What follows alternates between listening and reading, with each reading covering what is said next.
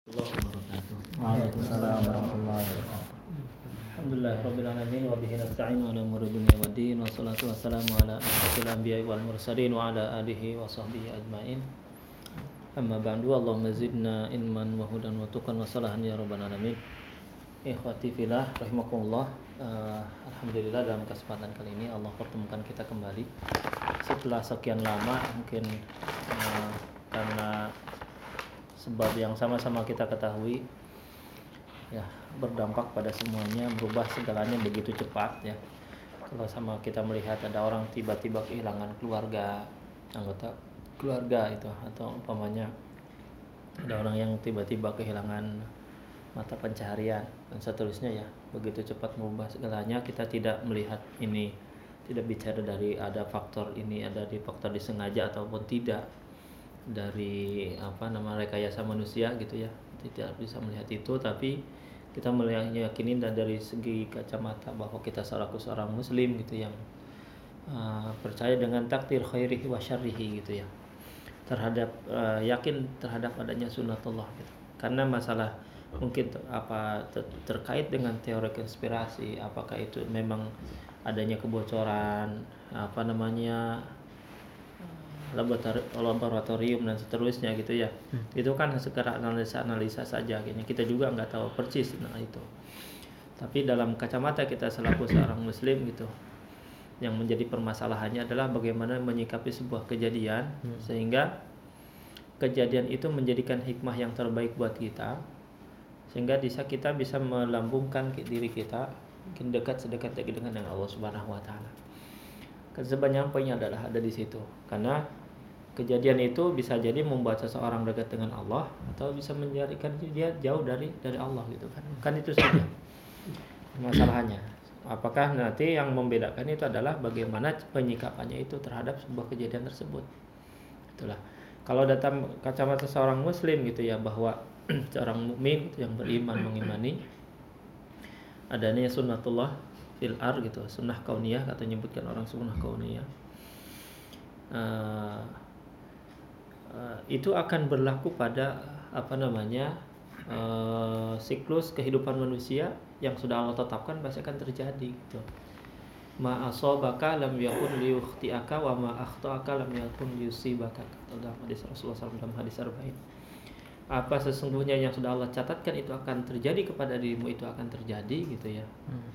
Dan sesuatu yang tidak Allah catatkan ya tidak akan terjadi kepada dirimu itu. Makanya kita meyakini bahwa uh, makhluk yang begitu kecil ini ya dia tidak berjalan dengan sendiri.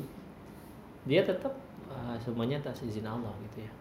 Atas izin Allah. Dia mengenai seseorang atas izin Allah dia diterkendali dari seseorang atas izin Allah. Makanya sebenarnya yang uh, kemudian kita juga tidak mengesampingkan gitu ya bahwa adanya kita usaha secara lahiriah gitu ya uh, mengikuti anjuran-anjuran ahli medis gitu ya segala macam itu. Yang kemudian banyak yang dimanfaatkan juga gitu. Di atasnya kita juga nggak nggak tahu banyak yang bermain mungkin di situnya untuk kepentingan pribadi. Tetapi ya eh, ada poin pentingnya jangan sampai kemudian usaha lahir kita mengalahkan usaha batin kita. Artinya usaha yang lahiriah ini yang kasat mata ini mengalahkan usaha yang sesungguhnya sebenarnya bagaimana kita menyikapi tadi dan ini adalah prinsip kalau kita melihat di dalam Al-Quran. Makanya uh, patut bersyukur gitu ya bahwa ketika kita Allah pertemukan dalam kondisi seperti ini yang tidak bisa diwakili walaupun mungkin uh, secara teknologi secara apa namanya sekarang kecanggihan IT gitu kita bisa mungkin uh, bisa berwajah bisa kemudian bicara ada suara ada gambar tapi itu tidak bisa diwakili ketika dengan adanya uh, pertemuan seperti ini. Makanya ini adalah kalau kita melihat flashback kembali gitu kepada kehidupan dulu 14 abad yang lalu gitu. Para sahabat itu selalu mendambakan bagaimana kan mereka bisa berkumpul dengan seperti ini saling mengingatkan. Sampai uh, sering kita mendengar dengan perkataan yang begitu fenomenal ijlis binanu mensah mari kita duduk-duduk sebentar kita menguatkan keimanan kita kembali dan itu tidak bisa kecuali memang adanya seperti ini. Kalau sekedar dia masalah kognitif ya masalah pengetahuan uh, itu kan sudah terbuka. Sekarang biasa kalau dari segi, segi pengetahuan siapa sih yang bisa mengalahkan Google gitu ya? Antum cari apa saja di situ ada. Gitu ya. Antum cari apa saja. Tetapi bagaimana kemudian ada interaksi itulah yang menjadikan sebuah keberkahan dari sebuah pertemuan itu. Itu yang tidak bisa digantikan sebenarnya. Sehingga di situlah mungkin walaupun namanya faktor keimanan itu ada faktor yang disebut dengan psikologi masal psikologi masal itu artinya orang lain melakukan sesuatu kita terbawa untuk melakukan. Itu kan ada psikologi masal taruhlah kalau Ramadan itu orang taraweh tiba-tiba orang bisa taraweh begitu sholat yang tidak pernah sholat umpamanya jarang-jarang sholat tiba-tiba bisa ikut taraweh, uh, sholat taraweh 20 rakaat atau yang 13 rakaat dengan witirnya segala macam. Uh, 11 gitu ya maksudnya. 11 ada yang 23 gitu ya. Hmm. itu kan ada psikologi masal gitu. Orang yang melakukan sesuatu ya terbawa. Sama seperti puasanya juga seperti itu. Orang sama-sama puasa gitu ya kita juga ikutan uh, sama-sama puasa gitu ya. Nah walaupun ya apa namanya uh, ada faktor itu di dalam melakukan uh, walaupun memang uh, sebelumnya Rasulullah mengatakan al mukmin miratul mukmin seorang mukmin itu adalah cerminan bagi mukmin yang lainnya. Maksudnya adalah mungkin dengan kondisi seperti ini kita bisa memuajah ini kita bisa saling mengingatkan mungkin bisa, bisa sharing gitu ya. Apa yang sudah dilakukan itu menjadikan cerminan buat untuk lain. Ternyata orang lain sudah tilawahnya sudah sampai segini dia tahajudnya sudah sampai segini. Nah itu kita bisa mengambil cerminan buat diri kita sendiri. Nah itu yang kemudian sebenarnya dalam pertemuan-pertemuan itu yang harus kemudian e, melahirkan tadi jadi sehingga pertemuan itu menjadi pertemuan yang muntijah Muntijah itu yang produktif sehingga melahirkan amal yang kemudian tidak hanya sebatas di sini. Sini adalah stimulan saja, hmm. menstimulasi kita untuk melakukan dan menguatkan dan apa yang kemudian amal-amal kebaikan yang selalu uh, sejatinya kita lakukan di dalam medan uh, uh, apa namanya medanul hayah namanya dalam medan kehidupan itu sendiri. Sebenarnya di situ ya. Karena kalau bicara tentang keimanan mungkin semuanya dalam kondisi seperti ini semuanya imannya lagi kalau baterai itu lagi full semuanya dicas gitu kan nah, tapi sejatinya itu kemudian menjadikan sebuah energi bagaimanakah kemudian dari rentan waktu dari pertemuan ke pertemuan itu sehingga menjadikan uh, apa namanya tirai bagi kita dari melakukan uh, sesuatu ini baik atau buruknya. Nah itu wah bila jadi uh, sekali lagi pertemuan-pertemuan yang seperti inilah yang kemudian kita sering apa namanya dirindukan oleh orang-orang yang terdahulu membina keimanannya sehingga di antara mereka ada orang-orang yang mungkin tidak dikenal oleh orang lain begitu banyak kelihatan amalannya tetapi dia punya posisi yang istimewa di hadapan Rasulullah SAW. Salah satu keistimewanya itu adalah dia masih hidup tapi bagaimana kemudian dia bisa jamin masuk surga. Orangnya masih hidup. Sudah dijamin masuk surga. Dan itu banyak gitu ya. Di kalangan sahabat yang secara status sosialnya itu adalah strata sosialnya mungkin kalau bahasa kita dia datang saja udah nggak ada yang lirik gitu kan kemudian nggak datang juga nggak ada yang nanyain gitu ke mana gitu ya. Tapi bagaimanakah kemudian dia bisa menggoncangkan arah sehingga sampai dalam apa namanya buktinya dia bisa jamin masuk surga dan ini yang kemudian sebenarnya uh, harus kita sikapi saya melihat ini adalah peluang bagi kita semuanya. Mungkin saya juga dulu, dulu dalam kajian pernah kajian IKADI atau khususnya saya pernah sampaikan terkait dengan uh, tadi bahwa apa pun kejadiannya tergantung bagaimana kemudian kita menyikapinya. Tentunya kalau Al-Qur'an mungkin tidak berbicara secara teknis ya dalam hal detailnya itu itu. Tapi bagaimana kemudian Al-Qur'an itu memberikan prinsip-prinsip ketika kita berbicara tentang uh, menyikapi sebuah kondisi atau kejadian. Apa pun itu. Sehingga tadi diharapannya adalah uh, yang disebut dengan hikmah itu adalah bagaimana menyikapi sebuah kejadian itu menjadi peluang untuk dia lebih menjadi pribadi lebih baik gitu ya kan sebenarnya itu itu yang disebut dengan hikmah itu gitu. Jadi bukan hanya sekedar oh mungkin hikmahnya ini dan itu segala macam tapi ada sikap yang kemudian dia ambil dia mengambil sebuah peluang dari kejadian itu menjadikan uh, peluang sebesar-besarnya untuk dia lebih kalau bahasa saya itu menjadi pada derajat itkon namanya. Itkon itu adalah oh, bukan itkon ihsan. Ihsan. Itu kan ini adalah ke, tingkat keimanan yang tinggi gitu ya hmm. paling tinggi kan kalau dalam lingkaran paling ini kan iman ya pak apa namanya Islam. Kemudian lingkaran berikutnya adalah uh, ya, jadi Islam dulu kemudian iman. Kemudian lingkaran yang paling dalamnya yang paling ini adalah ihsan. Uh, orang yang ihsan sudah pasti dia mukmin dan uh, muslim. Orang yang mukmin sudah pasti dia adalah muslim. Tapi orang yang muslim belum tentu dia uh, beriman gitu. Makanya ada istilah ada istilah Islam KTP gitu ya. Hmm. ya memang wajar karena dalam kalau dalam istilah Al-Quran itu adalah qalatil arabu amanna kullam tu'minu walakin qulu aslam. Orang-orang Arabi itu orang pedalaman mengatakan ya Rasulullah kami sudah beriman. Kemudian uh, sanggahan itu wahai Muhammad katakanlah kepada mereka jangan kalian mengatakan sudah beriman tapi kami sudah menjadi orang muslim jadi kalau dirinci antara muslim dengan mukmin itu beda konotasinya, beda pemaknaannya.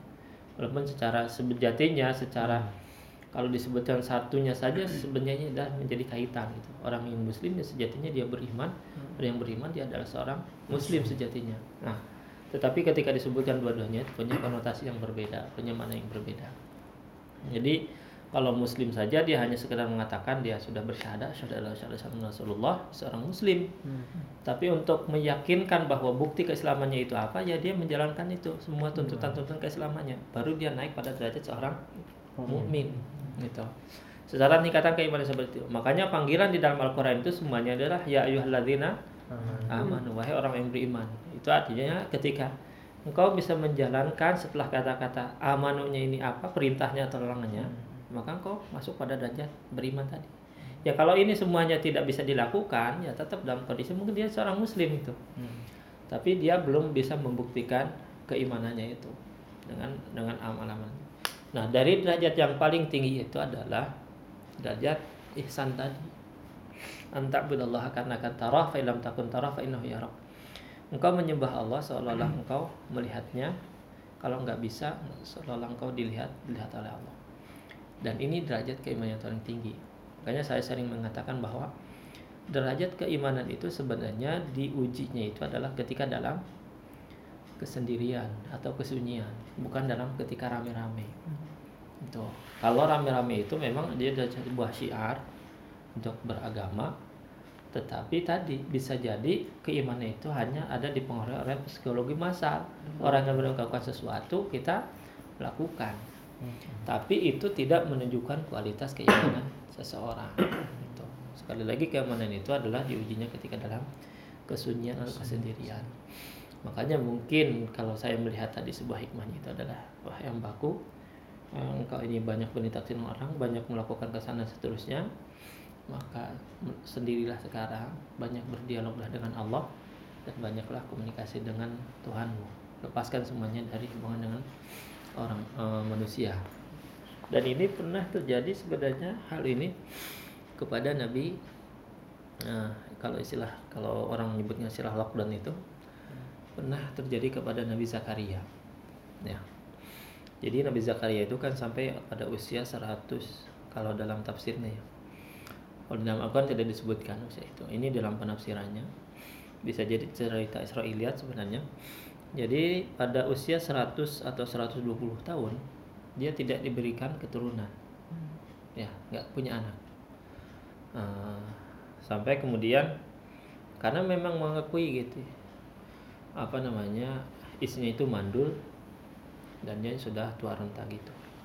Tetapi dengan usia seperti itu, Nabi Zakaria selalu berdoa gitu. Di dalam tafsir Ibnu Katsir itu sampai disebutkan Nabi Zakaria itu minta keturunan sama Allah itu selama 40 tahun. 40 tahun minta minta doa minta pada Allah untuk diberikan keturunan. Dan betul Allah kabarkan sudah pada masanya yang sudah tidak memungkinkan lagi secara manusiawi nggak mungkin lah kita sudah udah segitu usianya bagaimana bisa punya keturunan gitu kan. Akhirnya kemudian datanglah uh, malaikat mengabarkan inna nubasyirka bigolamin ismuhu Yahya. Saya memberi kabar kepadamu untuk uh, akan datang seorang anak dari keturunanmu yaitu yang dinamai Yahya. Sehingga Yahya ini adalah nama satu-satunya nabi yang diberikan namanya oleh Allah langsung. Yaitu Nabi Yahya. dan dia orang yang musaddiqam bi kalimati minallahi wa wa dia orang yang paling pertama kali beriman kepada Nabi Nabi Isa alaihissalam Nabi Isa itu kan lahirnya uh, lebih duluan dia bukan lebih apa iya apa namanya uh, lebih duluan. Cuman nggak lama kayaknya sekitar dua atau tiga tahun gitu selisihnya itu. Dan Nabi Yahya ini orang pertama kali beriman kepada uh, Nabi Isa tadi. Nah setelah itu kemudian seolah-olah ada protes. Bukan protes seolah-olah nggak percaya. Ketika dikabarin kan sudah 120 tahun nggak mungkin gitu kan kalau bahasa kita. Nggak mungkin saya punya anak gitu. Hmm. wakad balag tuh minal kibar itu atau dalam wakad balaganil di dalam surat uh, itu wakad balaganil kibar wa berarti akhir. Saya sudah dua rata ini isi saya mandul nggak mungkin punya anak gitu kan? Nah, kemudian uh,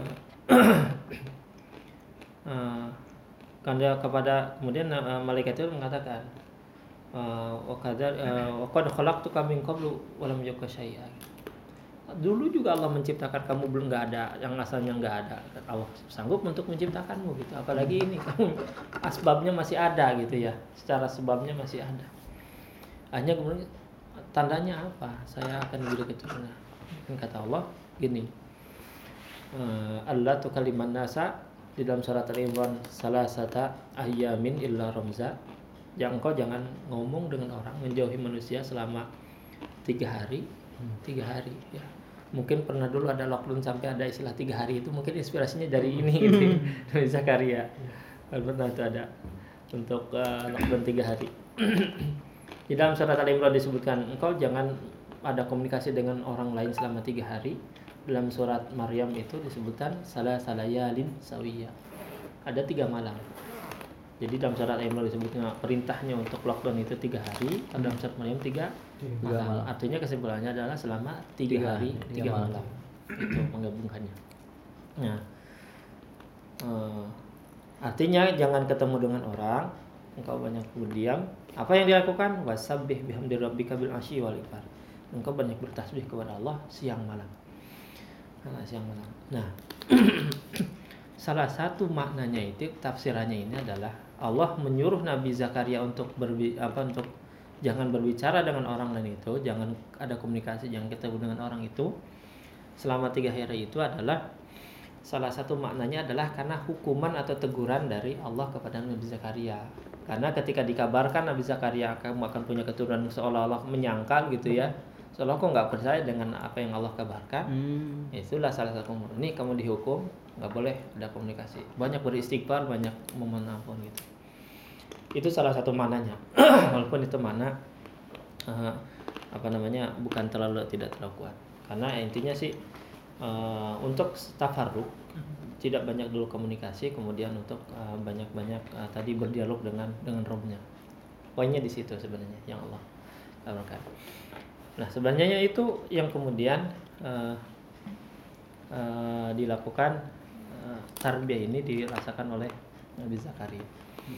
Artinya kepada manusia-manusia uh, pilihannya itu uh, sudah banyak yang benar seperti ini. Nah, kemudian ketika kita bisa menyikapi ini dengan baik, maka sebenarnya kita bisa tadi mendapatkan sebuah peluang yang besar sehingga kita bisa mungkin ke derajat ini saya mungkin pernah ceritakan lagi dulu mungkin kadang ada yang ikut kajian itu ya tentang kualitas keimanan itu. Kalau kita lihat di dalam tentang uh, apa namanya uh, tentang cerita yang bukan cerita hadis tentang yang akan dinaungi oleh Allah ketika tidak ada naungan kecuali naungan Allah itu rata-rata golongan itu adalah golongan yang membuktikan keimanan dalam kesendirian itu kesunyian itu. Dan ini yang berat kan? Hmm karena orang itu biasanya ketika dalam kesendirian itu orang terkadang bisa uh, dalam tanda petik gitu beriman itu ketika hanya di depan orang aja gitu ya. Mungkin kalau di depan orang dia jadi apa namanya jadi domba tapi ketika di sendirian jadi serigala gitu kan. Itu kan banyak seperti itu gitu dalam kenyataannya. Nah uh,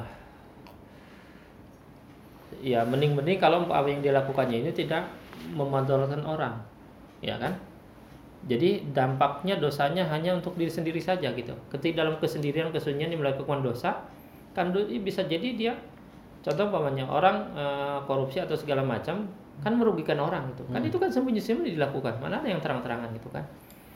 Nah, dilakukan. Mending, mendingan gitu kalau dia melakukan dosanya itu hanya kembali madaratnya hanya untuk diri sendiri.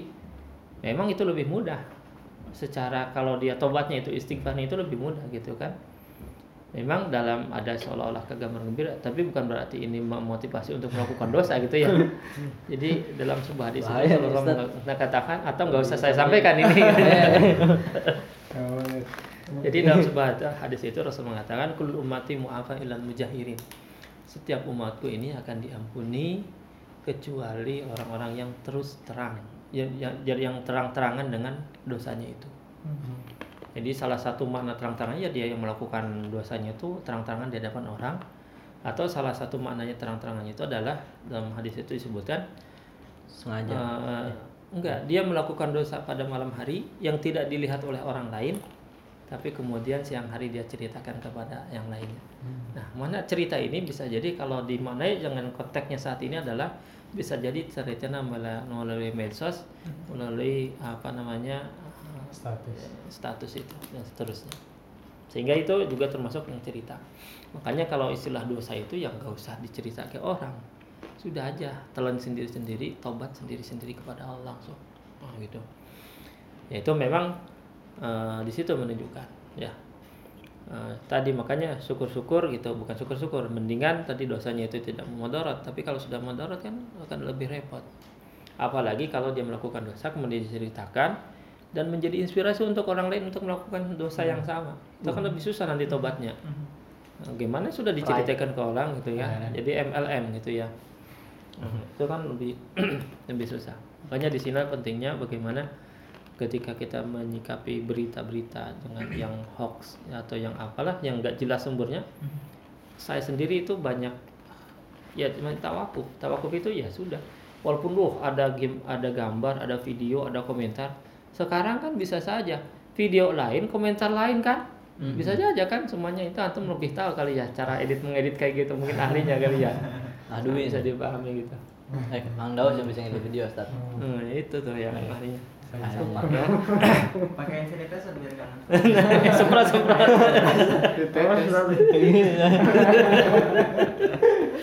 Segera. Enggak sabunnya disabunin. Nah gitu. Uh, kalau Tanda tak ini dulu, sebelum selesai. Catat ya, sedikit. Catat, catat, catat. Sedikit dulu. Tampung, Pak, tampung. Jangan gitu, ya. sabar. Jadi sekali lagi ini mungkin Allah memberikan kesempatan karena untuk menguji kualitas keimanan kita semuanya. Sehingga tadi yang saya katakan bahwa ada apresiasi yang begitu besar dari Allah juga karena tadi dia menunjukkan keimanan itu tidak dalam kondisi rame-rame banyak orang tetap dalam kesenjangan seseorang laki-laki yang diadang untuk berzina oleh seorang perempuan yang cantik dan seorang pejabat itu ya. Tidak ada yang menghalanginya untuk melakukan itu kecuali dia mengatakan ini akhafullah saya takut pada Allah. Dan nggak ada orang lain untuk mencegah dia. Dia kalau umpamanya mengikuti nafsunya ya bisa saja melakukan itu. Hmm. kemudian yang lainnya golongan yang lainnya adalah seorang laki-laki yang berinfak sampai tangan kirinya itu nggak tahu apa yang diinfakannya ini ada kiasan maksudnya dia infak eh, sembunyi-sembunyi diam-diam. Nggak perlu ada yang tahu. E, biarkanlah Allah nanti yang akan uh, memberikan balasannya gitu. Yang akan menilainya nggak perlu dinilai oleh manusia. Ini juga kan menunjukkan derajat keimanan yang begitu tingginya. Makanya salah satu dimasukin dalam golongan yang tujuh golongan yang akan dinaungi oleh Allah nanti pada hari kiamat yang lainnya lagi adalah ini yang secara langsung apa namanya yang disebutkan langsung itu adalah eksplisit apa implisit gitu ya. E, sampai kemudian rojulun zakarallaha khalian seorang seseorang yang mengingat dalam mengingat Allah dalam kesendiriannya itu. Kesendirian kemudian fafadat kemudian berlinanglah air matanya. Allah. Karena takut kepada Allah. Antum kalau bisa merasakan kondisi ini adalah kondisi dalam posisi yang sangat sangat puncak kebahagiaan seseorang. Kalau antum sedang sedang merenung tiba-tiba antum merasakan apa namanya ke kenyamanan yang begitu luar biasa ketenangan gitu tiba-tiba antum meneteskan air mata itu adalah kebahagiaan yang paling tinggi. Karena kita harus memahami bahwa puncak kebahagiaan itu adalah ekspresi dari puncak kebahagiaan itu bukan ketawa tetapi menangis. Ekspresi kebahagiaan yang paling tinggi adalah menangis saya kasih logika ini selain logika. Kalau umpamanya ada seorang tukang becak menghadiri anaknya di wisuda menjadi dokter kira-kira ketika di wisuda apa? Nangis. apakah dia ketawa-ketawa hore anak saya jadi dokter gitu kan mengekspresikan. Enggak enggak. Mungkin ada tetesan air linangan air mata itu yang mungkin tetes itu sebagai ungkapan dia tidak bisa merasakan apa tidak bisa mengungkapkan kebahagiaannya itu jadi dengan tangisan itu begitu juga ketika dalam ketika kita merasakan adanya apa namanya eh, hubungan kita dengan Allah maka diekspresikan dengan tetesan air mata tadi makanya kalau antum bisa mencari momen-momen itu sesering mungkin antum menjadi orang yang paling merasakan kebahagiaan yang paling tinggi paling bahagia Nah, gitu. Makanya harus cari momen-momen itu. Apalagi kalau kemarin di antara antum di Ramadan yang kemarin itu ada yang merasakan itu luar biasa. Ada yang merasakan kebahagiaan yang sangat tinggi sekali. Gitu. Di tengah-tengah orang mungkin merasakan sulitnya untuk beribadah, tetapi kita merasakan kelezatan beribadah itu kan sangat luar biasa. Dan itu dididiknya adalah ketika keimanan-keimanan itu dalam kesendi- kesendirian tadi. Itu. Makanya ba- bagi saya itu biarkan kondisi ini semuanya sudah Allah tetapkan untuk semua kehidupan manusia tapi bagaimana kita menyikapinya menjadi orang-orang yang benar-benar kemudian salah satu memang ikhtiar kita juga sebenarnya untuk keluar dari sebuah permasalahan itu adalah eh, wa may yattaqillah yaj'al lahu makhraja kan? Orang yang bertakwa kepada Allah Allah berikan jalan keluarnya gitu ya. Ya apa pun masalahnya tetap kembali pada sini hakikatnya gitu kan. Sebesar apa pun eh, apa namanya usahanya dia melakukan ini selama ini kan eh, mungkin yang dianjurkan itu adalah masalah-masalah teknis yang kelihatan dunia ini apa eh, kasat matanya gitu tetapi pada eh, eh, apa namanya eh, mencari solusi yang secara prinsip dalam Al-Quran itu kan sebenarnya jangan sampai tadi usaha lahirnya ini seolah-olah mengalahkan yang usaha yang batinnya yang sesungguhnya tetap harus kita lakukan. Mama ya takilah Allah makhraja, orang yang bertakwa kepada Allah, Allah akan berikan jalan keluar dari masalah itu kan janji Allah. Nah, kalau kita tidak menemukan janji itu, berarti ada yang salah bukan janji Allahnya dengan kitanya berarti ada yang belum pas. Wa may yattaqillaha yaj'al lahu min amrihi yusra. Orang Yang bertakwa kepada Allah, Allah akan mudahkan urusannya. Itu kan juga prinsip janji Allah. Nah, tinggal jadi bisa jadi momen kondisi memburuk tapi ketika Allah berikan kemudahan seperti tadi Allah sebutkan kepada Nabi Zakaria kepada kita yang tidak mungkin lagi punya anak seperti kita menghadapi masalah seolah-olah ini sudah sangat sulit tetapi bagi Allah kan apa yang mustahil kan tidak ada yang mustahil bagi Allah mustahil itu kan hitung-hitungan kita sulit itu kan hitungan kita gitu ya. Nah karena mungkin selama ini terkadang keseringannya kita tidak melibatkan Allah dalam aktivitas kita. Jadi seolah-olah kita menanggung semua itu sendirian.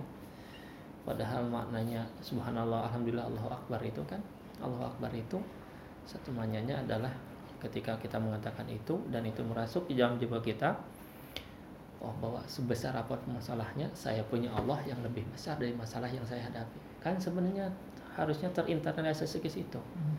Sehingga nggak perlu panik apa yang harus dipanikkan gitu kan menjadi seorang muslim itu ya tetap dia ikhtiar ya, dan dia tetap menjalankan sesuai dengan apa namanya eh, eh, pribadi yang selaku seorang muslim. Jadi eh, nggak perlu ada yang dihebohkan karena pada realnya itu kita melihat itu ya kehidupan itu kan. Heboh itu kan di dunia maya saja sebenarnya yang membuat heboh itu. Kalau seandainya kejadian ini mungkin terjadinya sekian rat apa puluh tahun yang lalu mungkin orang tenang-tenang aja gitu ya. Orang mati biasa. Sekarang juga kalau kita melihat itu dalam kenyataan realnya gitu ya. Dari satu kabupaten pamannya yang meninggal itu hanya puluhan sudah dinyatakan itu zona merah itu kan namanya orang mah walaupun nggak kena itu juga kan tiap hari ada yang meninggal gitu lebih banyak dari itu gitu ya.